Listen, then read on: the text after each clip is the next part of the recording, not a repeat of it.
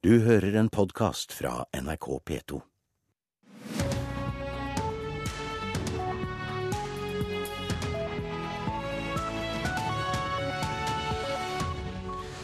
Og programleder her i Nyhetsmorgen i dag er eh, Øystein Heggen. Torsdag 16. april er vi kommet til, og eh, nå 6.30 er dette overskrifter.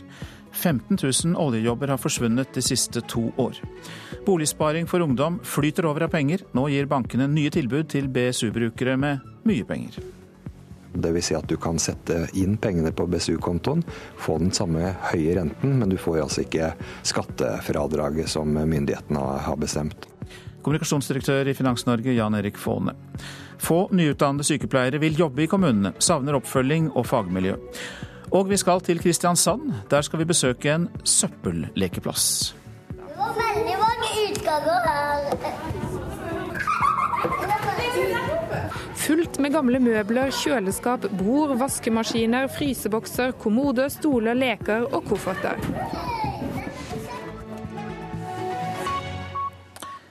15 000 oljejobber er altså tapt de siste par årene, skriver Finansavisen i dag.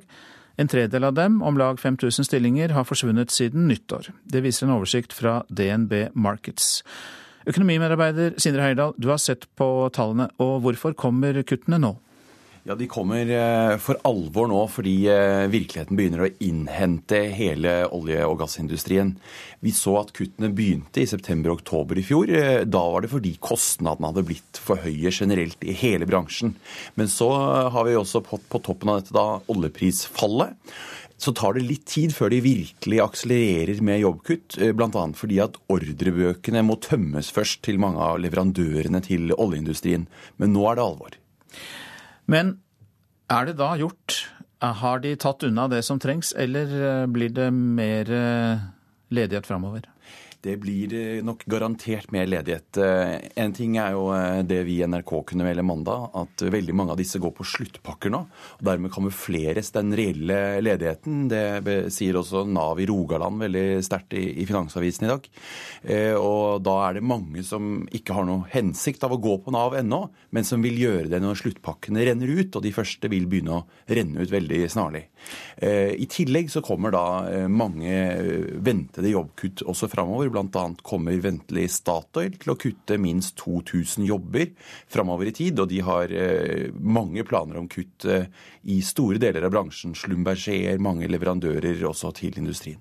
Dette er jo tall som eh, nå blir kjent, men det du nevner med sluttpakker og andre forhold, gjør det det vanskelig å få full oversikt over hvor stor arbeidsledigheten egentlig er? Ja, det gjør det. Og vi har også mange polakker bl.a. som er innleiet, og som kanskje forsvinner ut av landet, eller eventuelt blir. Så det er vanskelig å beregne. Og i tillegg så er det en del i olje- og gassindustrien som ikke annonserer sine jobbkutt offentlig. Og dermed er det vanskelig å skaffe seg full oversikt over hvor mange jobber som har blitt borte. Det kan jo være mer enn disse 15 000 også.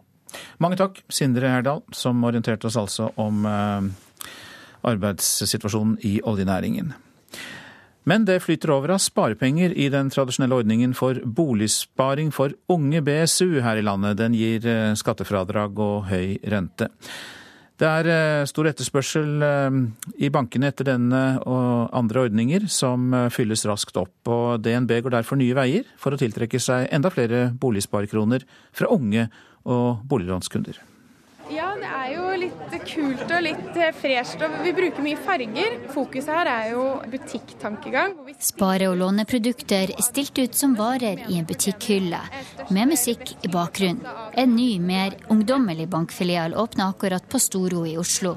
Et av målene er å tiltrekke seg enda flere boligsparekroner.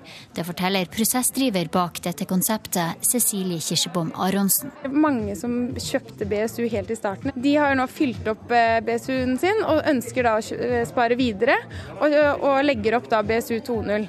Og de som kommer til oss nå eh, og er helt nye for BSU, vil ha begge deler. Eh, sånn at de velger å legge opp både BSU 1 og BSU 2. Også Nordea og flere av de store bankene har de siste årene startet parallelle BSU-ordninger, fordi mange etterspør det, forteller kommunikasjonsdirektør i Finans Norge, Jan Erik Fåne. Det er jo begrensninger på hvor mye du kan få skatte, skattefradrag for på BSU-ordningen, så derfor tilbyr eh, mange banker en parallell BSU. Altså Dvs. Si at du kan sette inn pengene på BSU-kontoen, få den samme høye renten, men du får altså ikke skattefradraget som myndighetene har bestemt. Det står nå nærmere 38 milliarder kroner på vanlige BSU-kontoer med skattefradrag, og i tillegg minst 2 milliarder i de nye parallelle boligspareordningene. En av de som sparer både i vanlig BSU og tilleggssparing, er 25 år gamle Scott Patterson, student ved BI. Jeg har lyst på en fin bolig. Ja. Pettersen har spart siden han var 18, og er ikke overraska over at mange sparer til bolig på flere måter. Når boligene så, er så dyre som de er nå, og du må, og i tillegg må ha så stor egenkapital for å få lån i bankene Jeg da som ikke har noen cashionist, må jo da regne med å ha, ha egenkapital. Da må jeg spare til det. Reporter her var Linda Reinholdsen. En eh, snøscooterkjører som var meldt savnet i Engerdal i Hedmark, er funnet død. Hans sønn, som var med på turen og også var meldt savnet, er funnet uten fysiske skader. En minibank ble sprengt på Auli senter i Akershus rett før klokka fire i natt. Det er foreløpig ukjent om gjerningsmennene fikk med seg noe fra banken, opplyser politiet. Flyktninger som har fått opphold i Norge, bor lengre på asylmottak enn før. Grunnen er at kommunene sier nei til å bosette alle de blir bedt om. Eh, Benyam Zere Gaber fra Eritrea fikk opphold i Norge for to år siden. Han eh, venter fortsatt på sin kommune. Vi er i et hvitmalt trehus ved Klokkavik i Sund. Huset er mottak for flyktninger som har fått opphold i Norge. Benyam Serigabar flyktet fra Eritrea. For to år siden fikk han gladmeldingen. Han får bli i Norge. Men fortsatt går dagene med til å vente på en kommune. Hver ettermiddag jeg ser på TV. Etterpå jeg litt leser. Ja. Og det er mange som er i samme situasjon. Flyktninger som har fått opphold i Norge, blir boende på mottakene stadig lengre. Det sier stabsdirektør i Integrerings- og mangfoldsdirektoratet, Bjørn Holden. I dag så er det nær 5300 flyktninger i asylmottak som venter på en kommune. Eh, en tredjedel av dem har ventet i mer enn ett år. Det er en betydelig økning. Ja, hva mener IMDi bør gjøres for at kommunene skal si ja til å bosette flere? Flere kommuner må gjøre som de beste kommunene og øke antallet når behovet nå øker. Hvis eh, alle kommuner sier ja til ti flere flyktninger, så vil alle flyktningene bli bosatt. Røde Kors er mye på mottakene og hjelper flyktninger som har det vanskelig. Espen Breivik er leder i Røde Kors Ungdom. Hverdagen på mottaket er ofte prega av uro, den er prega av usikkerhet, søvnløshet og en følelse av maktesløshet. På veggene henger bilder av kristne ikoner. For tre uker siden kom konen og datteren på to år til Norge. Men Benjam forteller at han venter på tre andre barn. To av de er alene i en flyktningeleir i Sudan. Benjam sier det er det samme hvilken kommune han får flytte til. Han kan bo hvor som helst. I Norge er trygghet, ja. Good life, ja. Det var Siri Løken som rapporterte fra asylmottaket i Sund kommune i Hordaland. Det er ikke attraktivt for nyutdannede sykepleiere å jobbe i kommunene. Dårlig oppfølging, manglende fagmiljø, økt arbeidspress. Ja, det får studentene til å søke seg til sykehusene. Det sier Oddgeir Lunde, fylkesleder i Sykepleierforbundet i Sogn og Fjordane. Kommunene tar likevel stadig imot flere og flere sykere pasienter, men eh, kompetansen den mangler de allerede. Det er nok av ivrige studenter i kantina på Sykepleierhøgskolen i Førde. Men få av dem vil velge en kommune som arbeidsplass når de er ferdige. Jeg skal jobbe på akuttmottaket her i Førde. For jeg er ikke så interessert i å jobbe på gamlehjem ennå. Hvorfor ikke det? Nei, Det er så mye det samme hele tida. Og det er ikke noe variasjon, og det er ikke så spenning som det er på sykehus f.eks. Det sier student Helene Herøy.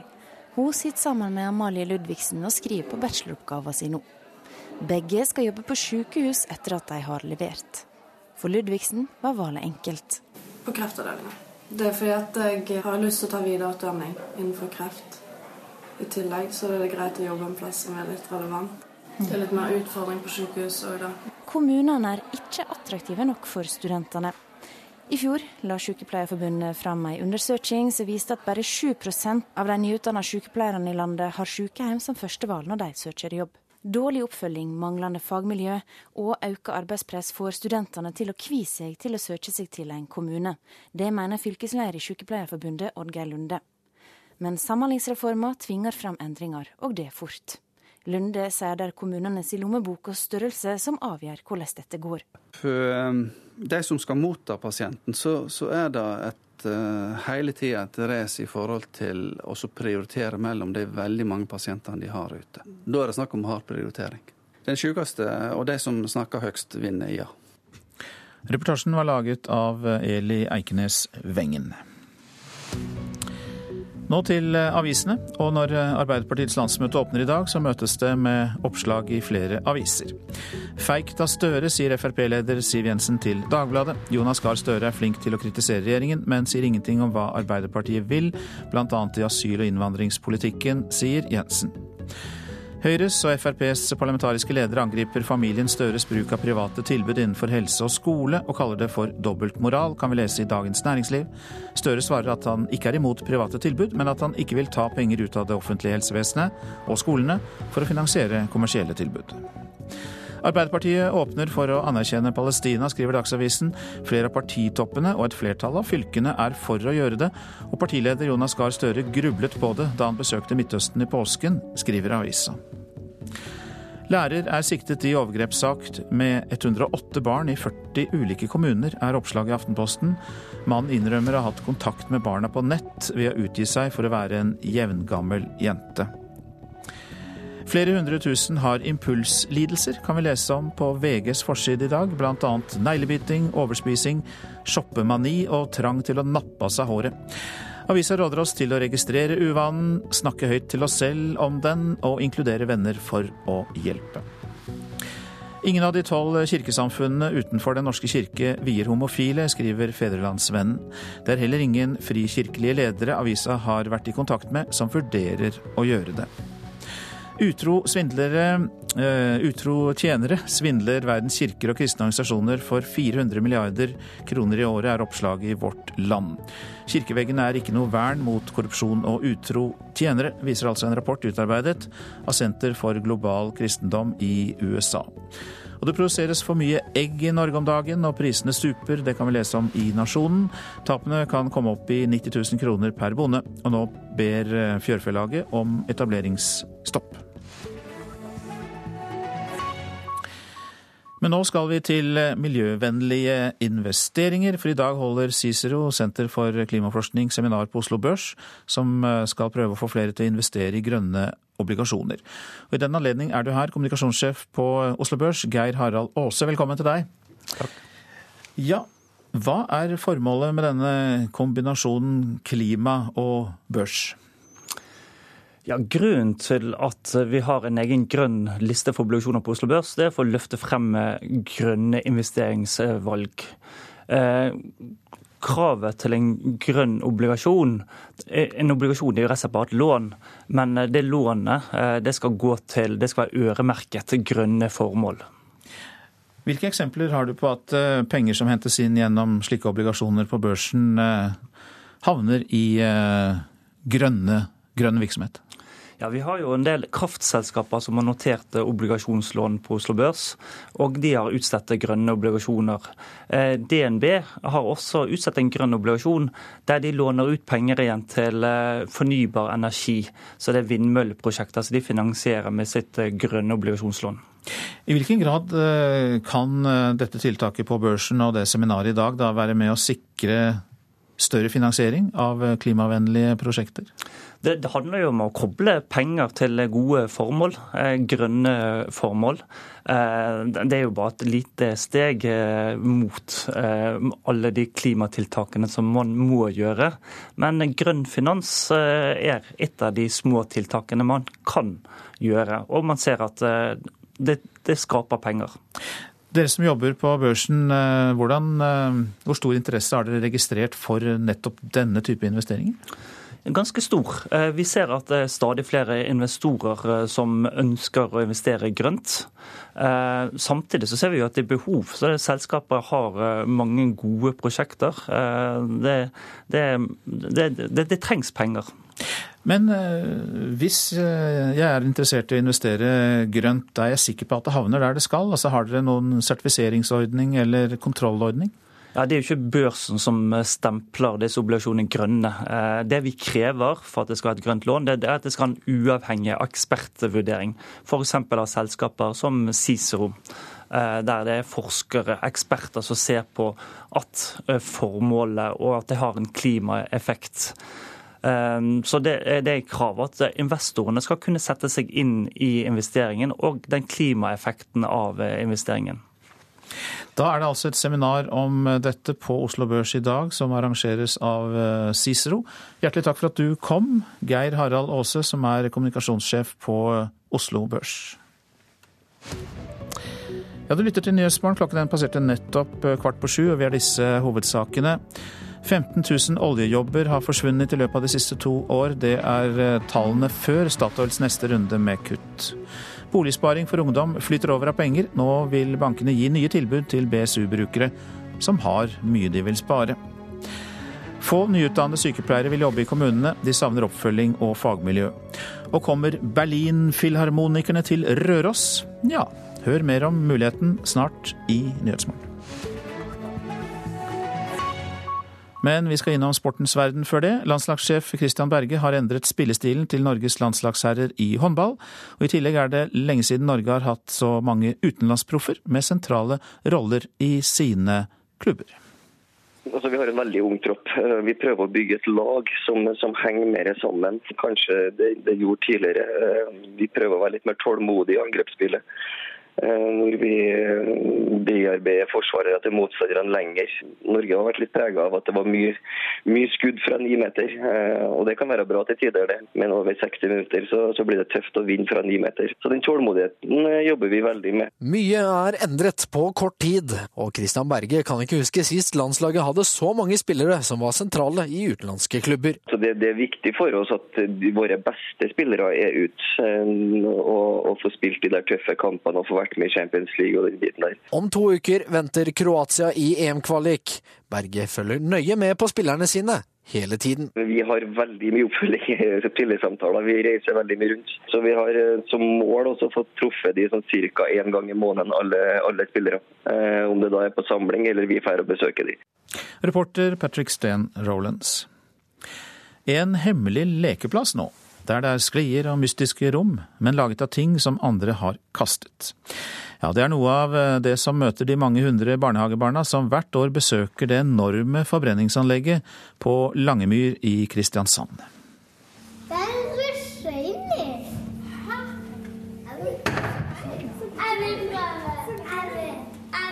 15 småbarn fra tre ulike barnehaver i Kristiansand fikk seg litt av en overraskelse da de besøkte Returkrafts anlegg på Langemyr onsdag. Det var veldig mange utganger her. For etter en omvisning i deler av det enorme forbrenningsanlegget ble ungene ført inn i et hemmelig rom. Fullt med gamle møbler, kjøleskap, bord, vaskemaskiner, frysebokser, kommoder, stoler, leker og kofferter. Det viste seg at fryseboksen på toppen av haugen egentlig var nedgangen til et magisk lekerom og tunneler, som førte ut av kjøleskap og tørketromler. Det er jo for å vise at noe kan brukes til noe nytt. Lisbeth Røiseland er for tida ansvarlig for omvisningen på Returkrafts anlegg. Og Samtidig er det jo litt opplevelsen i det, å lage noe spennende inni, inni det som har med søppel å gjøre. Siden 2012 har mellom 2000 og 3000 barnehagebarn, elever og studenter fra Øst- og Vest-Agder vært innom Returkrafts anlegg hvert år. Det er jo viktig å, å gi noe tilbake til de som eier oss. Og òg så er det jo dette miljøaspektet der som vi gjerne vil formidle videre og lære kommende generasjoner om sortering og nedbryting og, og fjernvarme og ja, det vi holder på med. Og så kan jeg sitte ned helt på tuppen der. Er det litt skummelt? Det som å faller der. For sjøl de minste får ikke bare leke når de besøker anlegget. De må lære litt òg. Å, se her kom det masse malingsspann. For det tar vi òg imot, sånn som kalles farlig avfall. Den siste måneden har barna i Slettheia familiebarnehage i Kristiansand lært om miljø- og kildesortering. Og tenkte i den sammenheng at vi skulle gå her en tur og se hvor havner egentlig all den søpla som vi sorterte. Irene Jansson jobber i barnehagen og er imponert over Returkrafts tilbud til de yngste. Det er helt topp. En kan jo ikke begynne for tidlig med det. det og det er jo en påminnelse for oss voksne òg. At ja, vi må være med for å hjelpe og forbedre miljøet. Kan jeg love meg det? Og jeg må si det til mamma og pappa at de aldri hiver sånne metallbokser i søpla. For det blir veldig dyrt for de å betale. Og vi må Det er så- det er så veldig mange ting vi kan lære om. Veldig gøy. Jeg syns det var veldig gøy å se på bålet. Det var gøy med det rommet å se på, med søppel i. Syns du det var gøy å være her? Ja. Hva var det som var gøy? Hva likte du å gjøre her? Gå inn i kjøleskapet, inn i vaskemaskinen. Jeg vil en gang til. Denne reportasjen fikk vi fra Miriam Grov. Menn med innvandrerbakgrunn blir oftere diskriminert enn innvandrerkvinner, viser en rapport fra Institutt for samfunnsforskning utført for departementet. Menn diskrimineres i boligmarkedet, i skole utdanning, i arbeidslivet og i møte med politiet, skriver Vårt Land. Tallene viser at 24% av menn med innvandrerbakgrunn opplyser at de har opplevd diskriminering i møte med politiet, mens det bare er 3% av kvinner med innvandrerbakgrunn som sier det samme. Byggingen av minnestedet etter 22.07 må fortsette som normalt, sier leder for støttegruppa etter 22.07, Lisbeth Røyneland. Selv om en fersk rapport forteller at flere naboer kan få langvarige problemer av å ha minnestedet tett innpå seg i dagliglivet, mener hun at dette minnestedet bør bygges der det har vært bestemt at det skal være hele tiden. Jeg syns vi må kjøre gjennom den prosessene som er valgt, og det er jo staten som har valgt sted. Og vi, vært, og vi støtter som støttegruppe også eh, utformingen av minnestedet.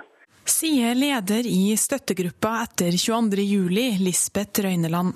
Eh, å dra alle sammen gjennom en vond diskusjon som kommer til å pågå i flere år, det er ikke gagna noen, tror jeg. Rapporten som kom i går handler om hvilke psykososiale konsekvenser det planlagte minnestedet på Sørbråten i Hole kommune har fått. Rapporten ble bestilt av Kommunaldepartementet før jul. Det kommer bl.a. fram at flere beboende rundt Sørbråten daglig plages av debatten rundt minnestedet. Nå håper Jørn Øverby i Utstranda vel at departementet tar en ny runde med avgjørelser. Eh, konsekvensene bør jo vise at eh, minnesmerket bør flyttes. At vi må ha en ny runde på lokasjonen. Da eh, alt tilsier at dette her er fatta på et feil grunnlag, uten da å ha med naboer og sterkt involverte redningsfolk. Ordfører i Hole kommune, Per Berger, har tidligere vært sykemeldt pga. stresset rundt minnestedsdebatten. Han forstår naboene, men tror dette er noe som over tid vil få respekt. Jeg tror at det, er, det viktigste nå er at det blir ro rundt valg av både sted og minnesmerke. At en bruker den tida en trenger, og at en ikke er så opptatt av ferdigstillelsen. Jeg tror også at alle ville være tjent med det, og vi ser av erfaringer fra utlandet at det, det ofte tar flere, mange år før en kan være beredt på å ta imot og, og, og akseptere slike løsninger. Kommunalminister Jan Tore Sanner forstår protestene som har kommet fra naboene, men vil ikke si noe om hvorvidt minnestedet blir flytta. Vårt utgangspunkt er at, er at, det er tatt noen beslutninger tidligere om hvor det skal, skal være. Og, og, det er mange mennesker som også venter på at det skal komme et, et, et minnesmerke. Som venter på at det nasjonale minnesmerket skal bli etablert. Og det er en stor risiko for at du får nye konflikter, ny uenighet, hvis man skulle åpne for en helt ny diskusjon. Men rapporten er viktig, og vi kommer nå selvsagt å se hvordan den påvirker arbeidet med, med minnesmerket og med reguleringsplanen. Reporter, det var Runa Rød. Det verdenskjente orkesteret Berlinfilharmonikerne skal spille i Røros kirke i Sør-Trøndelag 1. mai neste år. Konserten skal sendes direkte på TV i Tyskland, Norge og flere andre land. Det tror i hvert fall ledelsen i vinterfestspillene i Bergstaden er svært sannsynlig. De var nemlig i går i Berlin for å forhandle.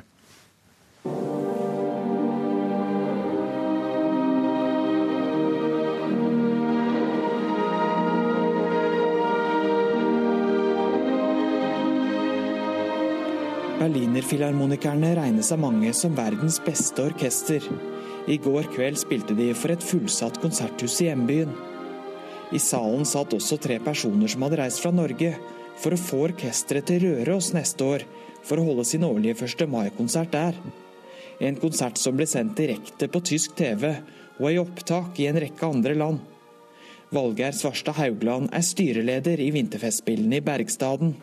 Altså, Jeg syns jo det er en verdensbegivenhet. Altså, når du, når du hører de andre destinasjonene de har hatt, Roma, Aten, eh, eh og Venezia, St. Petersburg Alle disse verdensbyene, store verdensbyer, og så rører oss i rekka.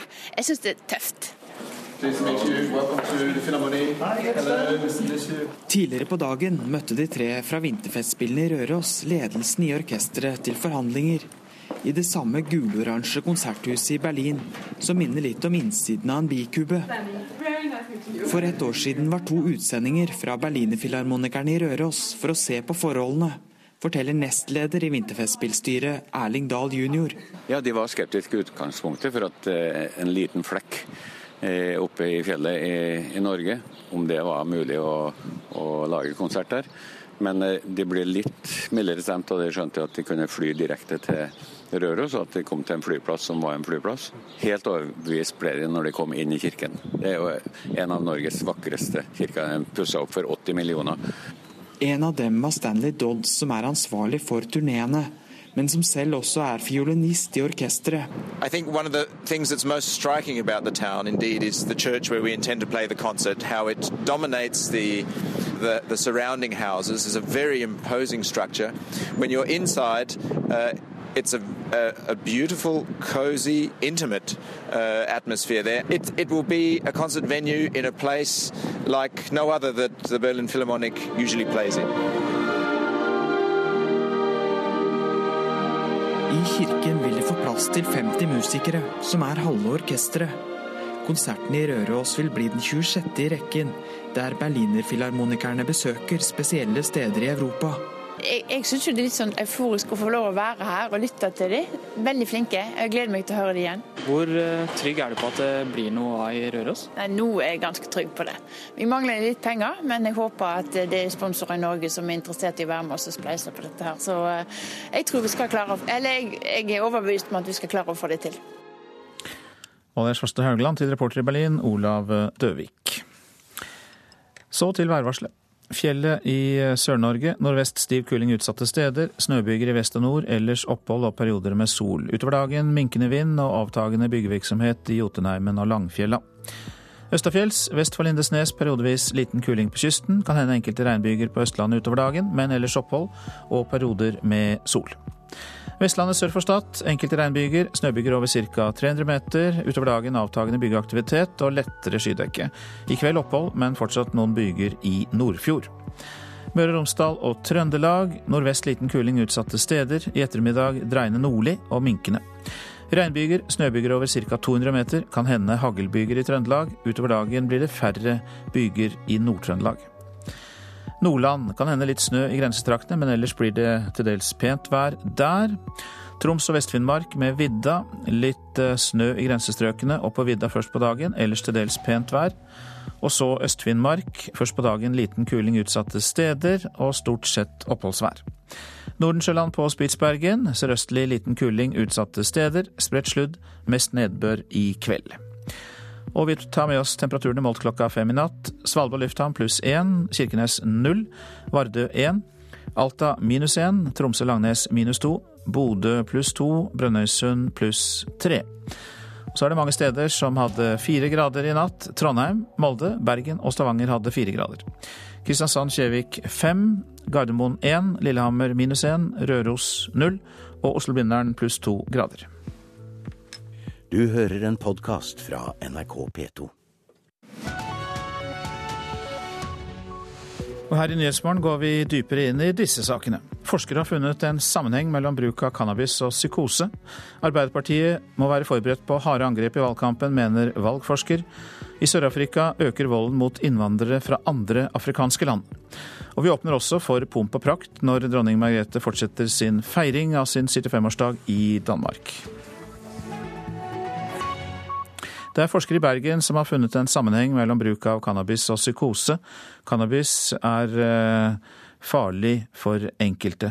Og Dag Henriksen er en av dem som har fått erfare det. Det som skjedde, var at jeg dro på ferie en ukes tid med foreldrene mine. Og hvor jeg ikke hadde hasj tilgjengelig. Dag Henriksen begynte å røyke hasj da han var 15 år gammel. Hjemme hos en kompis røykte moren hasj. Det kunne ikke være så farlig. To år senere ble han innlagt på psykiatrisk avdeling. Da jeg da dro hjem fra den turen, så røyka jeg en skikkelig dose hasj. En ordentlig bombe. Og, og da, da smalt det i huet mitt. Og da kjente jeg at jeg fikk vrangforestillinger og ble kjempeparanoid med en gang. I en rekke studier har forskere ved Haukeland universitetssykehus funnet en direkte sammenheng mellom bruk av cannabis og psykose. Av 1000 psykosepasienter blir de som har brukt cannabis tidligere psykotisk enn de øvrige. Det forteller Else Marie Løberg, fagsjef og forsker ved Divisjon for psykisk helsevern ved Haukeland. Vil si at de får eh, psykosen tre år tidligere enn andre som ikke har brukt cannabis. Eh, og igjen så bekrefter det eh, sammenhengen og at særlig for unge mennesker som er eh, under utvikling, som har sårbare hjerner, så kan det å bruke cannabis være en risikofaktor for psykose. Enkelte mennesker bærer på en sårbarhet som forsterkes av cannabisen og utløser psykosen. Det kan være hvem som helst. Og de tåler ikke cannabis så godt som andre. Og det er for denne gruppen av unge mennesker eh, at risikoen for psykose er til stede. Her er altså barnerommet til barna mine.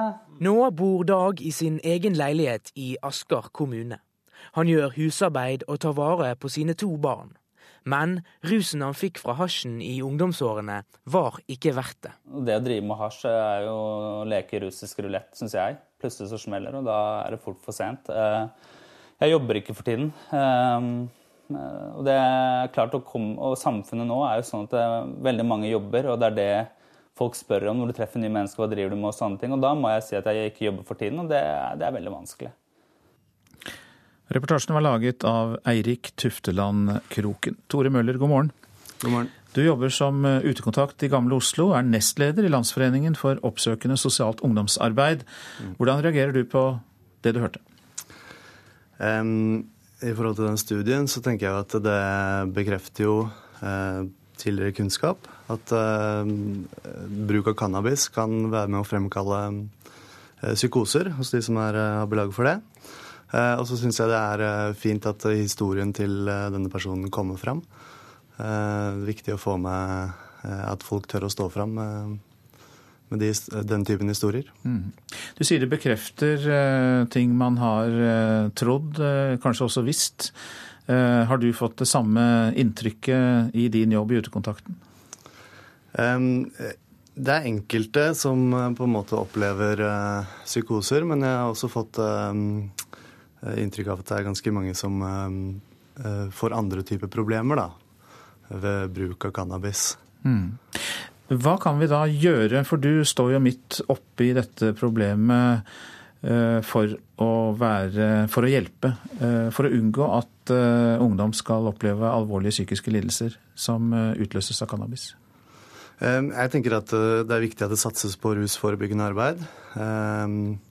Både ute i skolene. At informasjon om spesielt cannabis da, kommer ut til ungdommene. Også ut i de, ungdoms, de arenaene som ungdom er på. da. Men det er en undersøkelse som viser at studenter ved Universitetet i Oslo mener at alkohol er farligere enn eh, cannabis. Det er vel på gang en holdningsendring her. Og så ser vi vel også da at en del delstater i USA avkriminaliserer bruken av cannabis. Det peker jo i en annen retning. Ja, det er en Jeg tror muligens det er en holdningsendring. Man ser jo at det er jo en debatt i samfunnet hvor man setter cannabis og alkohol opp mot hverandre.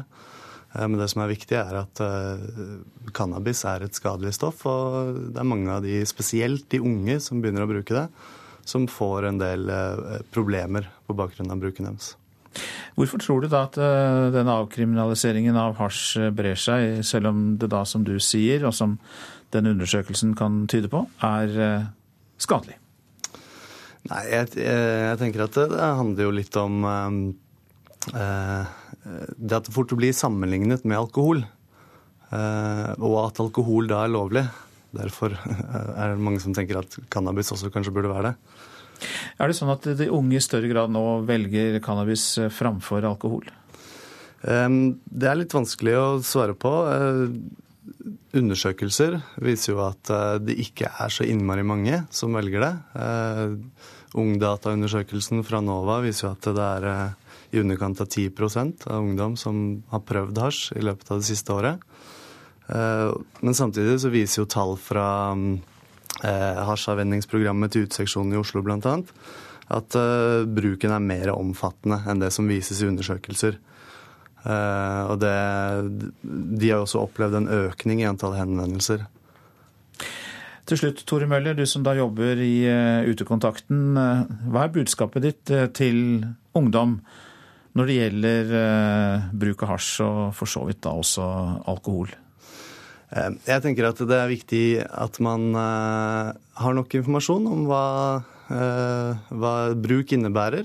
Og så er det viktig å snakke om, snakke om bruken. Ta kontakt med helsesøster på, sko på skolen eller med en utekontakt eller tilsvarende. Eller foreldre, da. For å snakke om hva, hvilke innvirkninger bruken har på livet ditt. Mange takk skal du ha, Tore Møller. Du jobber altså som utekontakt i Gamle Oslo, og er også da nestleder i Landsforeningen for oppsøkende sosialt ungdomsarbeid. Takk skal du ha. Nå tar vi for oss norsk politikk, for Arbeiderpartiet må være forberedt på harde angrep i valgkampen, tror valgforsker og professor ved Universitetet i Oslo, Bernt Årdal. Partiet starter jo sitt landsmøte i dag med gode meningsmålinger i ryggen, og det mobiliserer dermed de andre politiske partiene også, mener Årdal. Ja, jeg tror det kommer til å bli en veldig hard valgkamp. fordi de andre partiene ser jo at Arbeiderpartiet har gjort et enormt jeg håper å si, comeback etter valget i 2013. Slik at både de andre partiene og jeg tror også mediene vil lete med lys og lykte for å finne noe som kan brukes mot Arbeiderpartiet. Han mener partiet vil få mye mer direkte kritikk og skyts enn de har fått det siste året. Det er fem måneder til valget, og ett spørsmål er om Arbeiderpartiet har nådd formtoppen for tidlig. Jeg tror dette er en voldsom inspirasjon til folka som skal ut og drive valgkamp. Sier partiets byrådslederkandidat i Oslo, Raymond Johansen. Så veit vi at det kommer til å bli tøft. Her i Oslo så har Høyre og Frp hatt makta i 18 år, og det er en betydelig motstand vi står mot. Så her gjelder det å jobbe hardt og stå tidlig opp om morgenen og legge seg seint for å møte flest mulig velgere. Bernt Årdal på sin side peker på at Arbeiderpartiets fremgang på målingene har kommet fort, at de stjeler velgere fra mange partier. Og ikke minst, de har også ganske stor oppslutning fra tidligere hjemmesittere. Det er på en måte litt easy come, easy go. Altså Hvis du får en framgang som kommer veldig raskt, kommer veldig bredt uten noen klar profil, så er det også et lite faresignal. Og det var Katrin Hellesnes som var reporter, hadde snakket da med Bernt Årdal. De rød-grønne partiene får flertall på en Oslo-måling som Sentio Research har utført for Klassekampen. De rød-grønne får 33 mandater mot de borgerliges 26.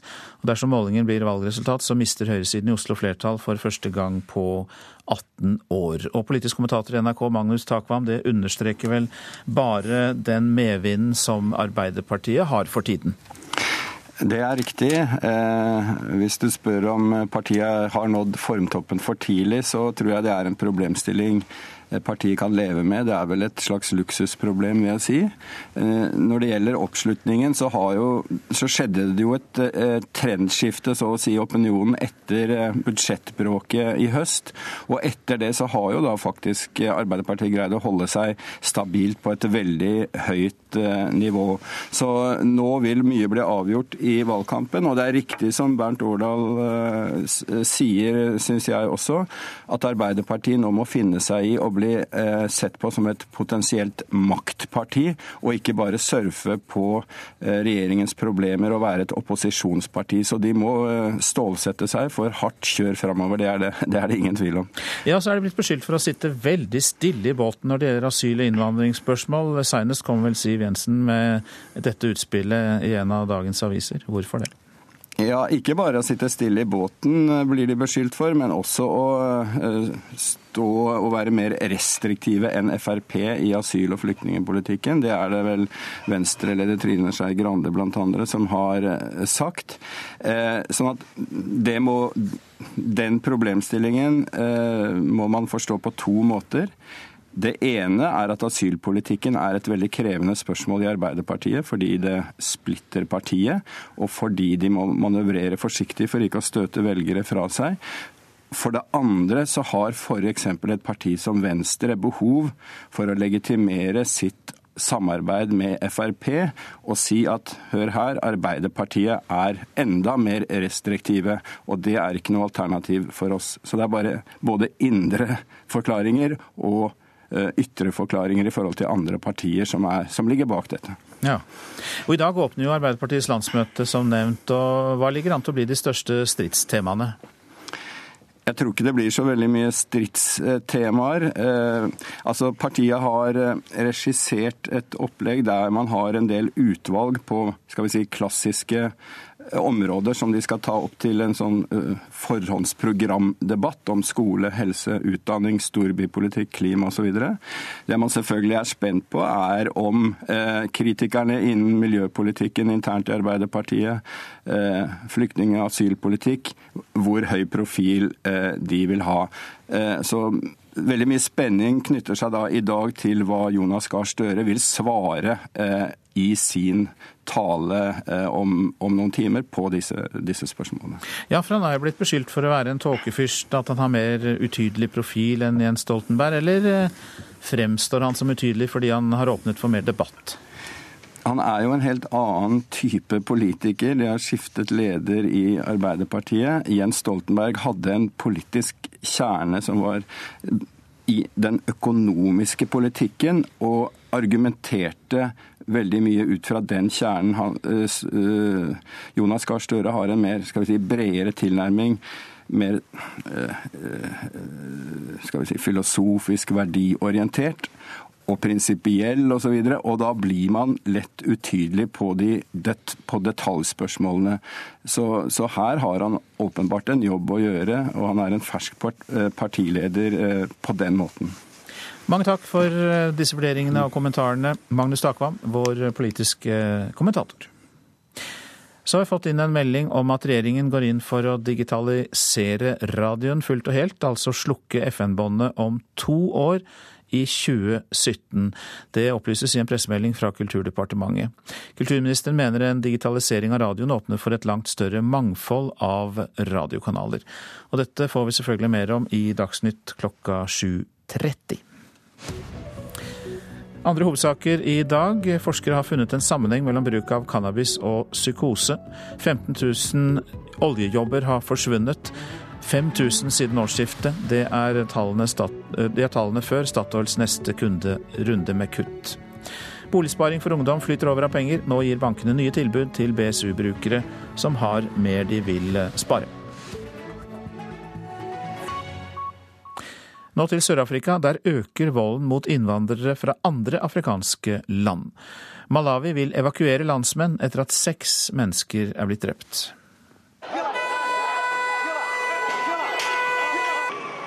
Dette er Durban denne uka. Afrikanske innvandrere forsvarer seg i gatene med macheter og stein. De ber oss ikke dra, de bare banker oss opp. Noen er drept, sier Johnny fra Zimbabwe. På fotballbanen i halvslummen er det slått opp store telt. Kampen er på liv og død for flyktningene som rømte fra mobben, jaget bort fra hjemmene, butikker ranet og brent. Volden mot fattige utlendinger har spredt seg til nye områder fra Cape Town og Johannesburg. Flere hundre fra Malawi flyktet hit til dette mottaket i Sør-Afrikas nest største by i går. Malawi vil ha dem hjem.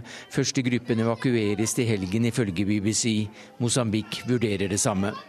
De har kommet fra store deler av kontinentet, fremmedarbeiderne, i flere perioder i mange tiår. Det som lenge var Afrikas største økonomi, har vært som en magnet i årtier for folk uten framtid i hjemlandet. Ingen vet hvor mange de er, men bare fra Zimbabwe skal tallet være minst en million. Og de tar de dårligste jobbene, åpner små butikker, blir beskyldt for å være mer kriminelle, noen slår seg opp. Det er det ikke alle i fattigstrøkene som tåler. Innvandrerne ses på som farlige konkurrenter på arbeidsmarkedet. De som lever av lite, frykter det lille de har. Forskjellen på fattig og rik er på verdenstoppen. I used to think that South Africa is a good country because in our country there is war. We can't say that we want to go back home. Jeg trodde Sør-Afrika var et bra land, for i mitt eget er det krig, så vi kan ikke dra tilbake, sier Kiriva fra Kongo. Det har vært langt verre. For sju år siden ble over 60 drept, og nå øker igjen fremmedfrykten i regnbuefolkets land. Sverre Tom Radøy, Nairobi.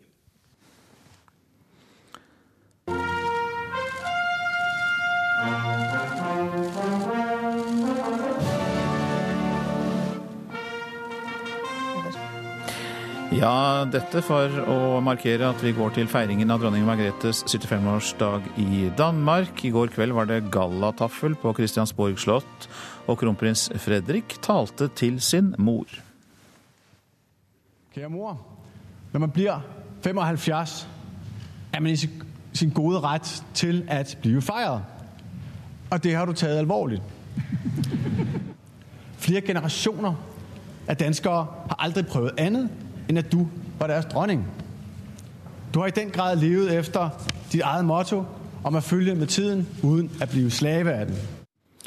Og dronningen selv så tilbake på årene siden hun ble født i 1940. Når man tenker på alt hva det har forandret seg i løpet av disse 75 år, kan det godt svimle litt for en. Men se deg ut en sommerdag, hvor smiler fager den danske kyst. Det er stadig vårt gamle Danmark. Her hører vi til. Det er det land vi har ansvar for, alle vi der bor her.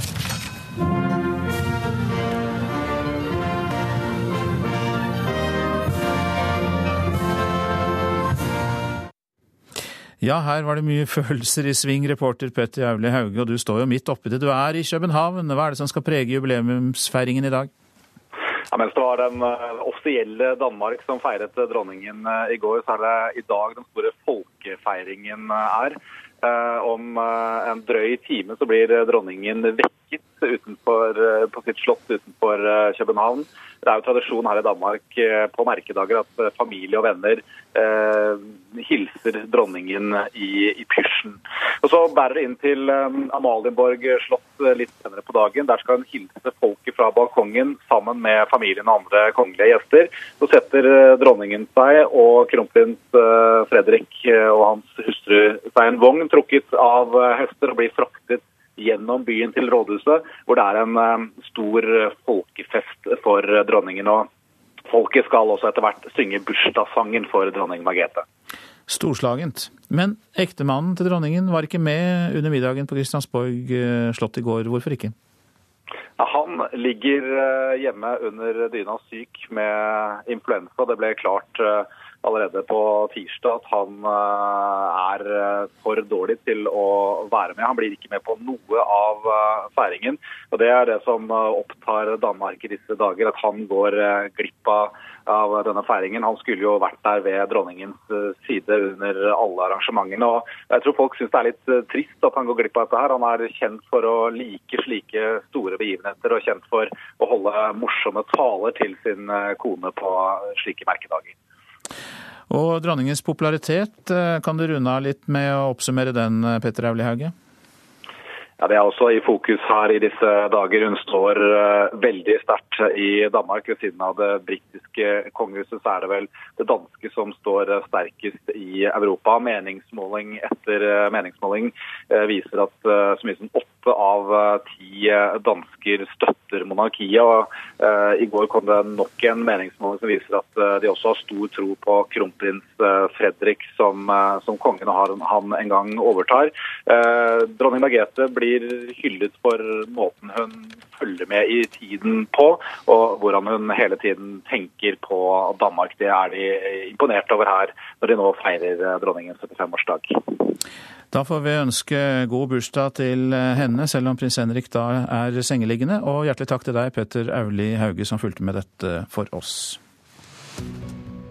Så til eh, avisene. Og eh, når Arbeiderpartiets landsmøte åpner i dag, så møtes det med oppslag i flere aviser. Feigt av Støre, sier Frp-leder Siv Jensen til Dagbladet. Jonas Gahr Støre er flink til å kritisere regjeringen, men sier ingenting om hva Arbeiderpartiet vil, bl.a. i asyl- og innvandringspolitikk, sier Jensen. Høyres og FrPs parlamentariske leder angriper familien Støres bruk av private tilbud innenfor helse og skole, og kaller det dobbeltmoral, kan vi lese i Dagens Næringsliv. Støre svarer at han ikke er imot private tilbud, men at han ikke vil ta penger ut av det offentlige helsevesenet eller skolene for å finansiere kommersielle tilbud. Arbeiderpartiet åpner for å anerkjenne Palestina, skriver Dagsavisen. Flere av partitoppene og et flertall av fylkene er for å gjøre det, og partileder Jonas Gahr Støre grublet på det da han besøkte Midtøsten i påsken, skriver avisa. Lærer er siktet i overgrepssak med 108 barn i 40 ulike kommuner. Det er oppslaget i Aftenposten. Mannen innrømmer å ha hatt eh, kontakt med barn på nett og for å utgi seg for å være en jevngammel jente. Sexsalg på Solsiden er oppslaget i Adresseavisen. Uten at eieren kjente til det, ble en leilighet i det populære restaurant- og shoppingstrøket brukt til prostitusjon. Politiet mener stadig flere prostituerte selger sex fra leiligheter med korttidskontrakter. Flere hundre tusen har impulslidelser, kan vi lese om på VGs forside. Bl.a. neglebiting, overspising, shoppemani og trang til å nappe av seg hår. Avisa råder oss til å registrere denne uvanen, snakke høyt til oss selv om den og inkludere venner for å hjelpe oss. Og utro tjenere svindler verdens kirker og kristne organisasjoner for 400 milliarder kroner i året, er oppslaget i Vårt Land. Kirkeveggene er ikke vern mot korrupsjon og utro tjenere, viser altså en rapport utarbeidet for Senter for global kristendom i USA.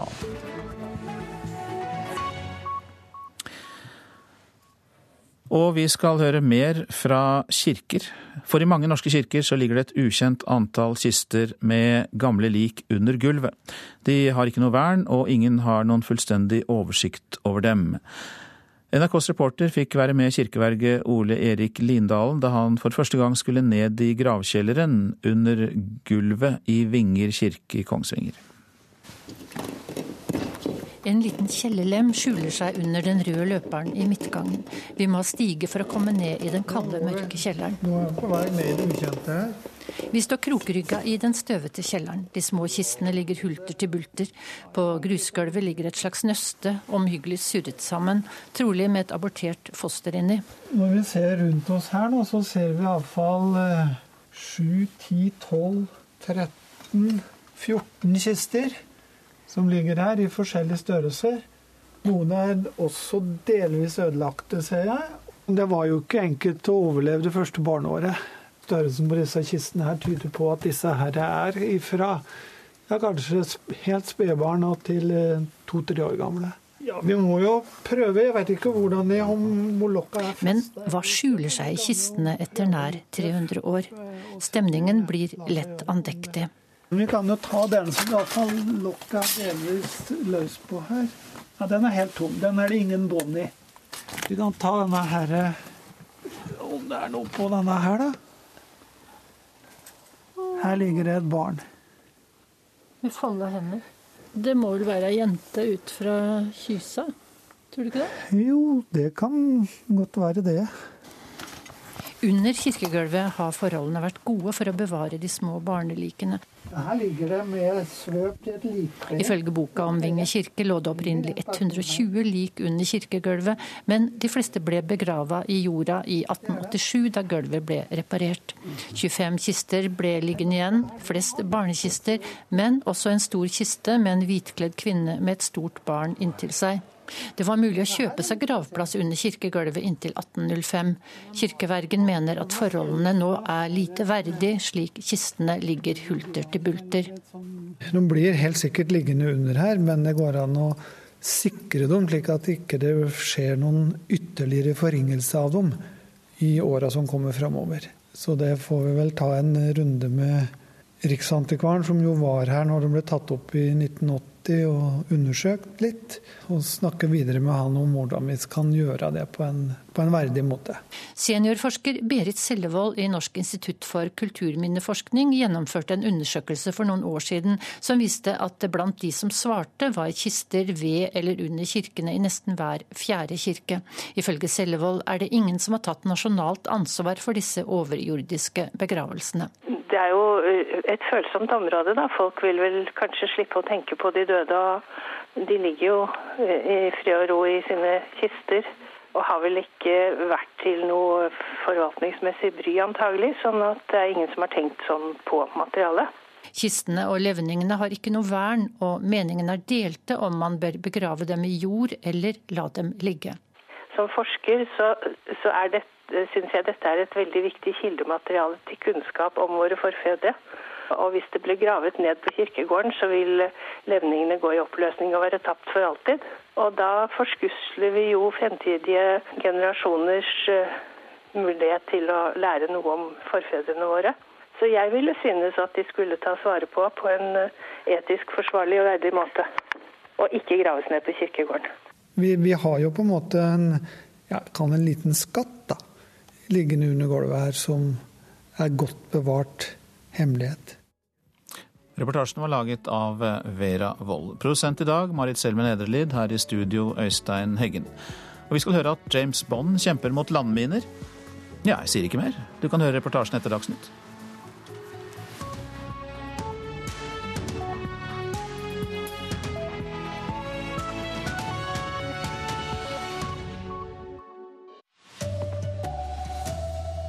Hasjbrukere har økt risiko for å få psykose, viser ny forskning. BSU-kontoene har ikke plass til alle pengene ungdom vil spare. Og i 2017 stenger FM-senderne i Norge. Da må alle ha ny radio eller en digital boks. Her er NRK Dagsnytt klokka 7.30. Forskere i Bergen har funnet en sammenheng mellom bruk av cannabis og psykose. Risikoen varierer fra person til person. Dag Henriksen er en av dem som har fått erfare det. Det som skjedde, var at jeg dro på ferie en ukes tid med foreldrene mine. Og hvor jeg ikke hadde hasj tilgjengelig. Dag Henriksen begynte å røyke hasj da han var 15 år gammel. Hjemme hos en kompis røykte moren hasj. Det kunne ikke være så farlig. To år senere ble han innlagt på psykiatrisk avdeling da jeg da dro hjem fra den turen, så røyka jeg en skikkelig dose hasj. En ordentlig bombe. Og, og da, da smalt det i huet mitt. Og da kjente jeg at jeg fikk vrangforestillinger og ble kjempeparanoid med en gang. I en rekke studier har forskere ved Haukeland universitetssykehus funnet en direkte sammenheng mellom bruk av cannabis og psykose. Av 1000 psykosepasienter blir de som har brukt cannabis tidligere psykotisk enn de øvrige. Det forteller Else Marie Løberg, fagsjef og forsker ved Divisjon for psykisk helsevern ved Haukeland. Det vil si at de får eh, psykosen tre år tidligere enn andre som ikke har brukt cannabis. Eh, og igjen så bekrefter det eh, sammenhengen og at særlig for unge mennesker som er eh, under utvikling, som har sårbare hjerner, så kan det å bruke cannabis være en risikofaktor for psykose. Her er altså barnerommet til barna mine. Nå bor Dag i sin egen leilighet i Asker kommune. Han gjør husarbeid og tar vare på sine to barn. Men rusen han fikk fra hasjen i ungdomsårene, var ikke verdt det. Det å drive med hasj er jo å leke russisk rulett, syns jeg. Plutselig så smeller det, og da er det fort for sent. Reporter her Eirik Tufteland Kroken. Arbeiderpartiet må være forberedt på harde angrep i valgkampen. Det mener valgforsker og professor ved Universitetet i Oslo, Bernt Årdal. Partiet starter sitt landsmøte i dag med gode meningsmålinger i ryggen. Det mobiliserer de andre politiske partiene, mener Årdal. Ja, jeg tror det kommer til å bli en veldig hard valgkamp. Eh, fordi de andre partiene ser jo at Arbeiderpartiet har gjort et enormt jeg håper å si, comeback eh, etter valget i 2013. Eh, slik at både de andre partiene og jeg tror også mediene vil lete med lys og lykte for å finne noe som kan brukes mot Arbeiderpartiet. Han mener partiet vil få mye mer direkte kritikk og skyts enn de har fått det siste året. Det er fem måneder til valget, og ett spørsmål er om Arbeiderpartiet har nådd formtoppen for tidlig. Jeg tror dette er en voldsom inspirasjon til folka som skal ut og drive valgkamp. Sier partiets byrådslederkandidat i Oslo, Raymond Johansen. Så veit vi at det kommer til å bli tøft. Her i Oslo så har Høyre og Frp hatt makta i 18 år, og det er en betydelig motstand vi står mot. Så her gjelder det å jobbe hardt og stå tidlig opp om morgenen og legge seg seint for å møte flest mulig velgere.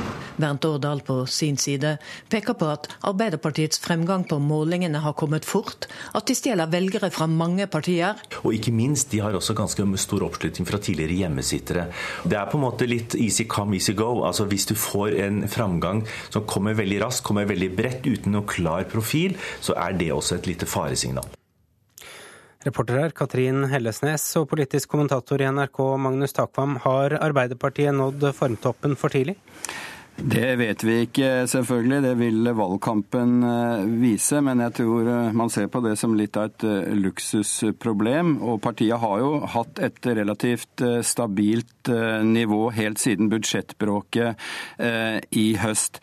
Men nå er det klart et skifte. Arbeiderpartiet må finne seg i å bli betraktet som et maktparti og ikke lenger bare kunne skal vi si, surfe på regjeringens problemer og være et opposisjonsparti. Og det vil de merke en, et knallhardt kjør både fra medier eh, og politikere. I dag i avisene får f.eks. Støre kritikk for dobbeltmoral fordi han velger private løsninger for, sine, for sin egen familie i eldreomsorg og skole osv. Så, videre. så dette er ett eksempel på det. Ja, Støre har også fått kritikk for å være tåkefyrste. Altså han snakker utydelig. Har han en mer utydelig profil enn eh, forgjengeren Jens Stoltenberg? Han har en annen politisk tilnærming enn Stoltenberg, som jo hadde økonomisk politikk som sin kjerne, og dermed argumenterte ut fra det. Eh, Støre har en annen tilnærming, mer prinsipiell, og dermed blir han ofte utydeligere i detaljspørsmål. Eh, så de har en veldig forskjellig profil. Og de har også i opposisjonsrolle, da Jo Støre har vært partileder, i stor grad kjørt politikk mot regjeringen, og dermed ikke tydeliggjort sin egen politikk i samme grad som, som i posisjon. Og det vil han bli kjørt på framover, og, og bli avkrevd svar også etter hvert. Ja, Arbeiderpartiets leder Jonas Gahr Støre er gjest i Politisk kvarter i P2 klokka kvart på åtte. Og vi sender også Støres tall til landsmøtet i Alltid nyheter på NRK1 og nrk.no fra klokka 13.40. Um, det skal vi over til at det flyter over av sparepenger i de tradisjonelle boligspareordningene for unge, BSU, som gir skattefradrag og høy rente. Bankene opplever stor etterspørsel etter andre boligspareordninger, som også fylles raskt opp.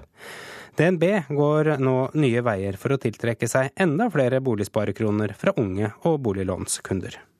Det er jo kult og litt eh, fresht, og vi bruker mye farger. Fokuset her er jo butikktankegang. Spare- og låneprodukter stilt ut som varer i en butikkhylle, med musikk i bakgrunnen. En ny, mer ungdommelig bankfilial åpner akkurat på Storo i Oslo. Et av målene er å tiltrekke seg enda flere boligsparekroner. Det forteller prosessdriver bak dette konseptet, Cecilie Kirsebom Aronsen. Mange som kjøpte BSU helt i starten, de har nå fylt opp eh, BSU-en sin og ønsker da å spare videre, og, og legger opp da BSU 2.0. Også Nordea og flere av de store bankene har de siste årene startet parallelle BSU-ordninger, fordi mange etterspør det, forteller kommunikasjonsdirektør i Finans Norge, Jan Erik Fåne. Det er jo begrensninger på hvor mye du kan få skattefradrag for på BSU-ordningen. så Derfor tilbyr eh, mange banker en eh, parallell BSU. altså Dvs. Si at du kan sette inn pengene på BSU-kontoen, få den samme høye renten, men du får altså ikke skattefradraget som myndighetene har bestemt. Det står nå nærmere 38 milliarder kroner på vanlige BSU-kontoer med skattefradrag, og i tillegg minst 2 milliarder i de nye parallelle boligspareordningene. En av de som sparer både i vanlig BSU og tilleggssparing, er 25 år gamle Scott Patterson, student ved BI. Når boligene er så dyre som de er nå. Jeg da, som ikke har noen cautionist, må jo da regne med å ha egenkapital. Da må jeg spare til det. Reporter Linda Reinholdsen. Minst 43 mennesker er henrettet i Iran de siste tre dagene, ifølge organisasjonen Iran Human Rights. En mindreårig med alvorlig psykisk sykdom var blant de fem som ble hengt i et fengsel i går. En snøscooterkjører i 40-årene som var meldt savnet i Engerdal i Hedmark, ble i natt funnet død. Sønnen hans, som også var med på turen og meldt savnet, er i god behold. Regjeringen går inn for å digitalisere radioen og slukke FM-båndet om to år, i 2017. Det varsler kulturminister Toril Vidvei i dag. Dermed må alle enten kjøpe ny radio eller skaffe seg et digital adapter. Det betyr jo at det er en styrking for mediemangfoldet i Norge. Det er allerede 22 riksdekkende DAB-kanaler eh, oppe og går, og det vil bli ytterligere 20. En av årsakene til at de nå erstatter FM med DAB, er at det er avgrensa plass til nye radiokanaler på FM-nettet. Kritikere hevder at sløkkinga går for raskt og vil gå ut over lytterne. Men det er kulturminister Vidvei usamd i. Jeg er helt sikker på at lytterne kommer til å få et eh, mer mangfoldig og ikke minst også et mer differensiert eh, radiotilbud. Det kommer til å bli støyfritt mottak. Eh, og eh, en rekke nye funksjoner. Sløkkinga gjelder nasjonale FM-nettet og nettet i de store byene, men det vil fremdeles være mulig for enkelte lokalradioer å sende på sitt lokale FM-nett. NRK har lenge ønsket en sløkkedato i 2017, og kringkastingssjef Tor Gjermund Eriksen sier han er glad for avgjørelsen. Dette er en beslutning fra regjeringen som eh, bidrar til å styrke norsk radio. Ehm, dette er en teknologiovergang fra FM til DAB som er nødvendig for å styrke radio, for at publikum skal få et bedre tilbud. Reporter Lars Ivar Nordahl. Ansvarlig for denne sendingen Gro Arneberg, teknisk ansvarlig Beate Haugtrø. Her i studio Arild Svalbjørg.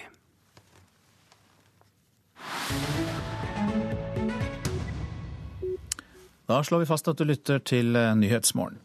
Internasjonale kjendiser blir ofte oppfattet som selvopptatte og arrogante. Desto bedre er det når noen av dem stiller sitt kjendiseri til disposisjon for den gode sak, som Daniel Craig, alias James Bond, som har blitt utnevnt til FN-ambassadør i kampen mot landminer. Uh, ladies and gentlemen, it's a great uh, pleasure and honor for me to uh, welcome Mr. Daniel Craig to the United Nations. FNs generalsekretær Ban Ki-moon ønsker velkommen til publikum i alminnelighet og til den britiske skuespilleren Daniel Craig i særdeleshet.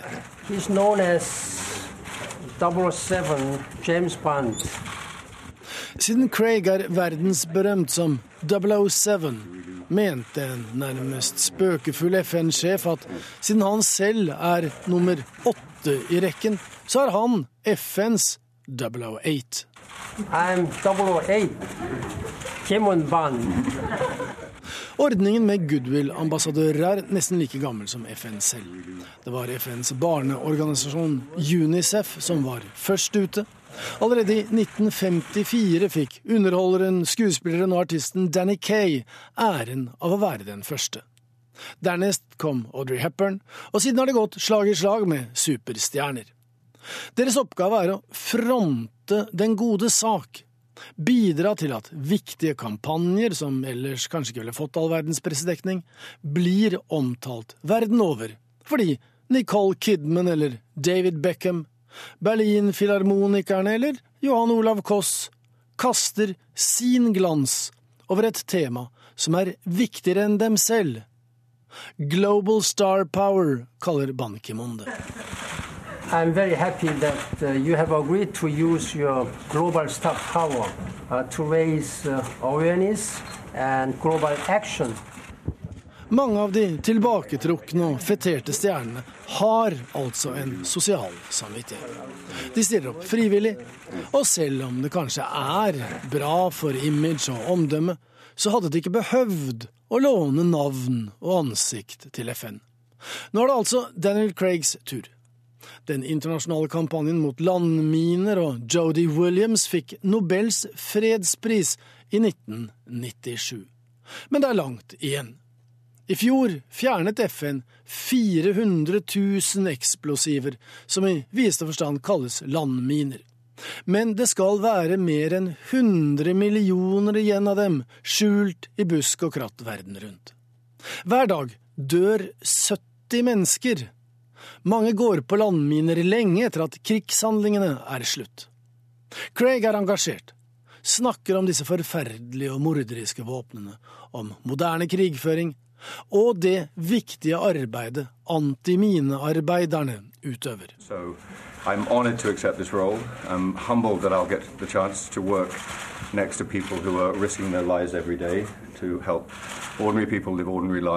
Um, James Bond, som jobber for MI6, har også tidligere vært i FNs tjeneste.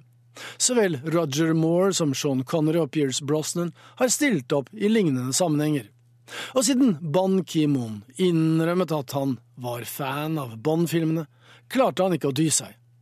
007, med rett til å ta liv, har nå fått lisens til å redde liv. You I'm now giving you a license to save. Reporter her, det var Joar Hoel Larsen. Dette er hovedsaker i Nyhetsmorgen. Hasjbrukere har økt risiko for å få psykose, viser ny forskning om sammenhengen mellom bruk av cannabis og psykiske lidelser. Kontoene for boligsparing for ungdom, BSU, har ikke plass til alle pengene ungdom vil spare for å få seg et sted å bo. Bankene etablerer nye tilbud for boligsparing. I 2017 stenger FM-senderen i Norge. Da må alle ha ny radio eller en digitalboks for å ta inn DAB-radio. Og minst 43 mennesker er henrettet til Iran de siste tre dagene, ifølge organisasjonen for Iran Human Rights. En mindreårig med alvorlig psykisk sykdom var en av dem. Nå tikker klokken fram mot eh, kvart på åtte. Det er tid for Politisk kvarter, som i dag er ved Bjørn Myklebust.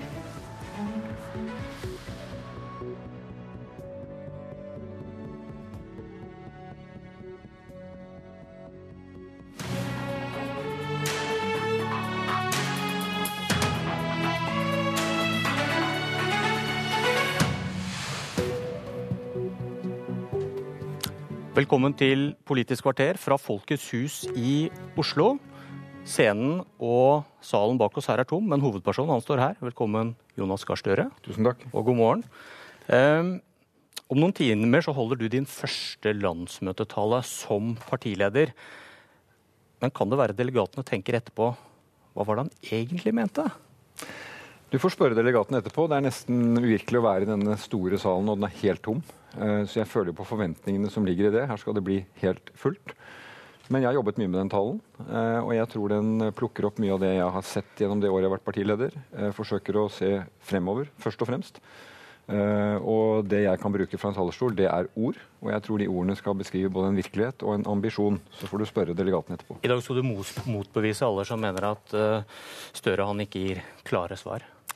Jeg er leder for et stort parti, og da er det viktig å utløse kreftene i det partiet, ideen i det partiet. Jeg skal ikke ha alle svarene, iallfall ikke på galt tidspunkt. Ideen med et landsmøte er at svarene kommer her, veldig mange av dem. Jeg gir svar, men ikke minst så gir dette landsmøtet svar. Det er 600 forslag som er kommet inn her. Vi har eh, det første totale digitale landsmøtet, slik at vi hadde normalt tatt to-tre kilo papir per delegat. Det ligger nå på en uh, nettbrett uh, foran hver av dem. Så her kommer det til å komme politikk og svar eh, i trinn én. Og så skal vi ha et landsmøte til om to år, før neste stortingsvalg. Så vi er jo en plan da, med å utvikle politikk og ta det hintet om at vi tapte et valg i 2013, trenger ny politikk mot 2014. Og da er landsmøtet et av de flotteste verkstedene vi kan bruke til det. Første sjanse til klar tale, det får du nå. Hvor klare svar har Arbeiderpartiet gitt i, i asylsaken? Og du har kommet med noe uklare løfter om at i talen din så vil du kanskje si noe nytt om hvordan Norge skal møte situasjonen og flyktningstrømmen fra Syria. Og spørsmålet er hvor mange flyktninger Norge skal ta imot, og kommer du med tall, eller må du tolkes? Du får høre. Jeg skal ikke avsløre det her nå. Det er mange som har spurt om det. og Nå tror jeg faktisk jeg skal bruke den muligheten og privilegiet jeg har, og si at talen eh, kommer litt før to. Og da får du høre på også sammenhengene. Klar tale. Eh, Arbeiderpartiet er opptatt av humanitet, solidaritet, stille opp for mennesker i nød. Norge er et land som skal ta imot folk som trenger beskyttelse etter de internasjonale avtalene vi har. Veldig klar tale på det. Så ser jeg jo at i den såkalte asylbarnsaken vi har hatt nå, det er en sak som engasjerer mange. Eh, jeg lytter til de som sier at Arbeiderpartiet burde vært klarere på det. Men forstå også det at her har vi vært et parti utenfor en avtale som er mellom regjeringen og to partier. Og de har gått ut og inn og forhandlet og frem og tilbake og opp og ned om enigheten seg imellom. Der har ikke vi hatt stor plass. Det har ikke vært en stortingssak, det har vært en sak mellom dem. Det jeg forsøker å bidra med nå, når det gjelder veldig klarhet, for det er viktig at regelverket er tydelig og blir behandlet på ordentlig måte, er at den forskriften denne regjeringen endelig klarte å formulere, den utfordrer ikke vi. Nå er det grunnlaget for hvordan man behandler den type saker. Du er enig i den? Vel, altså jeg sier at Den ligger nå til grunn, øh, og da støtter vi opp om at det er den som blir brukt. Og så tror jeg det er viktig for den som får andre regler på dette området, at det må gå noe tid. Man må evaluere hvordan den blir praktisert. Vi laget en stortingsmelding som skulle vektlegge barns hensyn mer. Og Da måtte vi vurdere etter et år er det et tilfelle, eller må det justeringer til. Nå er det ikke vi som har regjeringsansvaret. De som har det, de får finne ut av det, og vi ser jo måten det skjer på. Men jeg har hørt deg si at nå har de kommet fram til en god løsning som dere aksepterer, på at en del barnefamilier som har kastet ut, kan få sakene sine behandlet på nytt. Korrekt. Men for et par uker siden så hadde jeg din innvandringspolitiske talsmann i studio, Eirik Sivertsen, som argumenterte hardt mot dette. Regler må ikke gis tilbakevirkende kraft. Hva skjedde? Det er jo vanlig at vi ikke gir regler tilbakevirkende kraft. Det er mulig hvis det er til gunst for de personene det gjelder. På det tidspunktet var jo Høyre og Fremskrittspartiet også knallharde på det samme standpunktet. Ja, men, men de, de, de, forhandlet med to små partier ja. og kom fram til et kompromiss. Men, mener... men, i alle dager, Arbeiderpartiet sier én ting rett før påske, at dette er vi imot. Og så nå så står du og sier at dette er vi for. Vi er generelt sett mot at regler skal gis tilbakevirkende kraft. Det skaper veldig uklarhet om reglene. Samtidig så var det nødvendig å rydde opp i den uklarheten som var skapt mellom de partiene. Hva de ble enige om etter valget, hva som ikke var forskriftsfestet, og hvordan det berørte uh, utsendelser. Og da sier vi nå, vi får ta utgangspunkt i det, vi utfordrer ikke den løsningen. Det at nå rundt 60 barn skal få prøvet sin sak på ny, det uh, er greit, og det uh, legger vi til grunn. Og nå må det skje, og det må skje på en ordentlig måte. Men jeg, jeg forstår allikevel ikke hvordan dere kom dit fra at Arbeiderpartiet ved Sivertsen, som var den eneste som snakket om asylbarna, sier at denne løsningen som Venstre og KrF nå foreslår, den er Arbeiderpartiet helt imot. Og så, i forrige uke, så står du plutselig og så sier du at dette er en god løsning. Arbeiderpartiet har som generell holdning at tilbakevirkende kraft av lover og regler er uvanlig. Men du sier nå, er du for, sier du? Jo, men jeg sier at den løsningen de er kommet fram til nå, den mener jeg det er riktig at vi slutter opp om, opp om, slik at det blir avklart den usikkerheten som har vært for de barnefamiliene. Men hvorfor sa ikke Sivertsen det hvis dere mente det før påske? Nei, da var det en veldig uavklart situasjon. Ja, Men dere må jo mene det samme før påske og etter at løsningen kommer? Det har jo ikke skjedd noe i mellomtiden? Nei, men det, jo, det, kan hende at du utvikler meninger eh, underveis. på et par uker? Ja, det kan skje på et par uker. Ja. Og, og nå mener jeg at det er viktig for de som kom i en usikker situasjon fordi statsråden feilinformerte, ikke fulgte opp, ikke gjorde det han hadde sagt i avtalen eh, med de to andre partiene. Når det da ble klart, og de fant en løsning, vel, så sier vi at vi gjør ikke mer Eh, ut av det enn å si at vi støtter det. og Nå får det bli gjennomført på ordentlig og ryddig vis. Man kan jo da få inntrykk av at dere ikke står på fast grunn, men manøvrerer i asyl- og innvandringspolitikken dit Høyre og til, nei, Høyre og Frp til enhver tid står. Ja, det får være din beskrivelse. Det jeg sier når du ser på dette bildet og regelverket i Norge i dag, så er det jo bred enighet i Stortinget om hovedreglene i asyl- og innvandringspolitikken. Så har det vært en sak for å håndtere de som har fått avslag som ikke skal få beskyttelse, men har vært her med barn så lenge at det kommer i et grensetilfelle, og hvor det kom spørsmål om hvor mange var sendt ut. Da har det pågått da intense forhandlinger. Det vi ikke vi visste på det tidspunktet Sivertsen snakket, var jo også at den avtalen skulle ha en motytelse som innstramning på andre områder. Men det har vel ikke noe å si for om dere er for at disse asylbarna og disse familiene skulle få sakene sine behandlet på nytt? Jo, men da sier jeg det nå. For det var det han argumenterte mot? Ja, men han argumenterte på et prinsipielt grunnlag om tilbakevirkende kraft av regler. Jeg sier nå, og Arbeiderpartiet sier at den løsningen de kom til, at de skal nå få sin sak prøvd på ny, det utfordrer ikke vi, og da bør det skje. Ok, Da skal du få en ny sjanse til, for de er fremdeles ikke enige om hvordan man skal tolke denne siden du snakket om med innstramminger og familiegjenforening. Eh, Frp vil at søknaden om familiegjenforening skal komme fra utlandet. Dvs. Si en høyere terskel enn hvis man skal søke fra Norge, som Venstre og KrF vil. Hva vil du? Dette er jo igjen et uttrykk for at det for oss å stå helt på utsiden av de forhandlingene de foregår på Det er ganske enkel, enkel, enkel, ting å ta, det ta stilling til. Det er ikke det, det Bjørn Myklebust. For her vet vi at det antageligvis også er andre avtaler som blir koblet inn. En statsråd som prøver å mildne kritikken fra konstitusjonskomiteen hvis han gir noe annet på asyl. Men du må da kunne ta konkret stilling til om du mener søknaden bør komme fra Norge eller fra utlandet, og ikke vente på hva Nei. Høyre og Frp lander på? Da vil jeg si På generelt grunnlag så er det vanlig at når du søker uh, asyl i Norge, så skjer det uh, når du kommer uh, til Norge. De som nå skal få sine saker behandlet på ny, de kan gjøre det da fra der de er i utlandet. Men nå vil ikke jeg gå noe mer inn i detaljene på det. For et, for et avtale og en, en, forhandling og en oppklaring de driver, som ikke jeg kjenner, som jeg ikke er til stede i. Tror du det er noen lyttere og seere som tenker hva var det han mente nå? Det kan godt hende. Da kan vi jo benytte muligheten til å høre det en gang til. Men, eh, men, men, la meg bare si at eh, jeg vil da se hva de kommer fram til. Se hele bildet før jeg konkluderer. Vi kan ikke være sånn løpende eh, kommentatorer av hva som går. Det får være deres jobb, og så skal vi ta stilling til det som er innholdet. Skal vi snakke om noe annet enn asyl? Gjerne. Du får... Jeg blar. Du er programleder. vil du gjeninnføre formuesskatten, som de borgerlige fjerner, hvis du blir statsminister? Jeg vil sikre at Eh, de som har det sterkeste skuldrene, tar den tyngste børen i vår velferdsstat. Hvorvidt det skjer gjennom å skru poengene på formuesskatten tilbake igjen der det var i 2013, eller om det blir del av et mer helhetlig skatteopplegg, eh, det vil jeg ikke konkludere i dag. Og Det er fordi at i 2017 så vet vi mer om hvordan inntektene til eh, fellesskapet er, hvor mange som jobber, hvordan skattesystemet ser ut. Vi står kanskje foran en stor skattereform hvor hele beskatningen av formue arv, eiendom skal opp til ny vurdering. Eh, og Da er det i den sammenheng vi må se på hva som blir framtidens skattesystem. Ok, La meg stille spørsmålet litt bredere. da. Det samlede skatte- og avgiftsnivået vil Arbeiderpartiet gå til valg på å øke skattene, siden dere er så klare på at kutt rammer velferd? Vi var opptatt av at det skattenivået vi hadde i 2013 var godt for den perioden vi var i. Denne regjeringen bygger det kraftig ned, og de gir skattelettelser, halvparten av dem, til 3 rikeste i dette landet. Det er feil profil, det tar Norge i gal retning. Men da må vel den logiske konsekvensen være at dette vil du, et ord du ikke liker, reversere? Da er den logiske konsekvensen det den har vært for Arbeiderpartiet å si hvilke oppgaver skal vi løse i fellesskap, hva koster det, hvordan fordeler vi den regninga. Eh, og Jeg kan ikke stå her i 2015 og si nøyaktig hvor det innslagspunktet kommer til å være. Men jeg mener jo at når de systematisk tar ned skatteinntektene, som rammer velferden i kommunene, som rammer måten vi har til å løse oppgaver felles, så mener jeg at vi får mer igjen som fellesskap ved at vi investerer mer i fellesskap. Men den logiske konsekvensen av det du nå sier, må da være at dere ønsker å øke skattene, i hvert fall akkurat i dag?